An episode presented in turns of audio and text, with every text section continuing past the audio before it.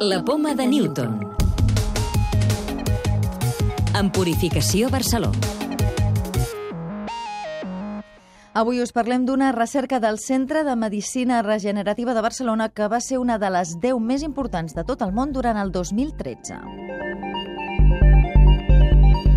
Un grup de científics del CMR ha aconseguit generar en laboratori mini ronyons per fer assajos clínics. Núria Montserrat és una de les investigadores que han participat en la recerca. Aquest treball és important no únicament perquè hem pogut entendre com obtenir en el laboratori aquest tipus celular que fins ara mai s'havia aconseguit, sinó que el fet de poder comptar amb aquestes estructures i amb aquestes cèl·lules ens permet provar fàrmacs i compostos que a dia d'avui encara estarien en assajos en fases clíniques o fases preclíniques.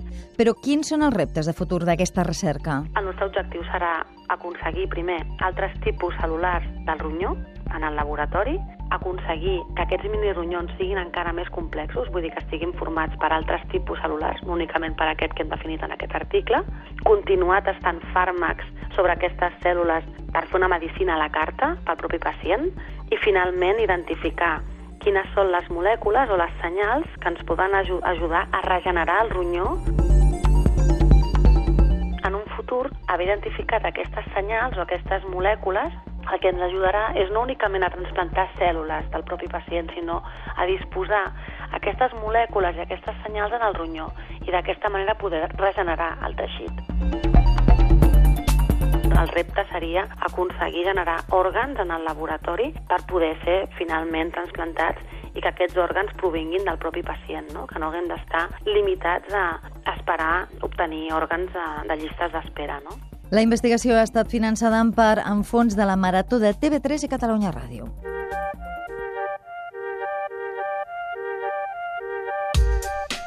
Avui també destaquem que un grup d'investigadors del Centre de Regulació Genòmica de Barcelona ha descobert un mecanisme pel qual la reprogramació de cèl·lules mare adultes a cèl·lules mare induïdes és molt més ràpid i eficient. Thomas Graf, director de la investigació. Estará solo en ratones, pero funciona de una manera muy espectacular. Podemos conseguir estas células madre embrionarias desde células sanguíneas en un tiempo de, de una semana.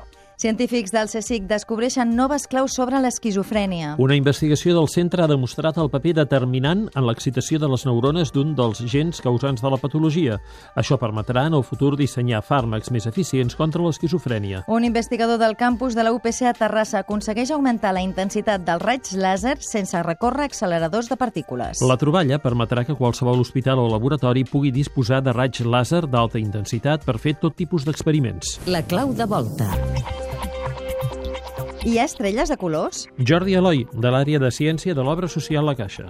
Doncs sí, les estrelles presenten gairebé tots els colors de l'arc de Sant Martí. El que passa és que costa molt, des d'aquí la Terra, a simple vista, ens costa molt apreciar el color de les estrelles perquè la seva lluminositat és molt baixa.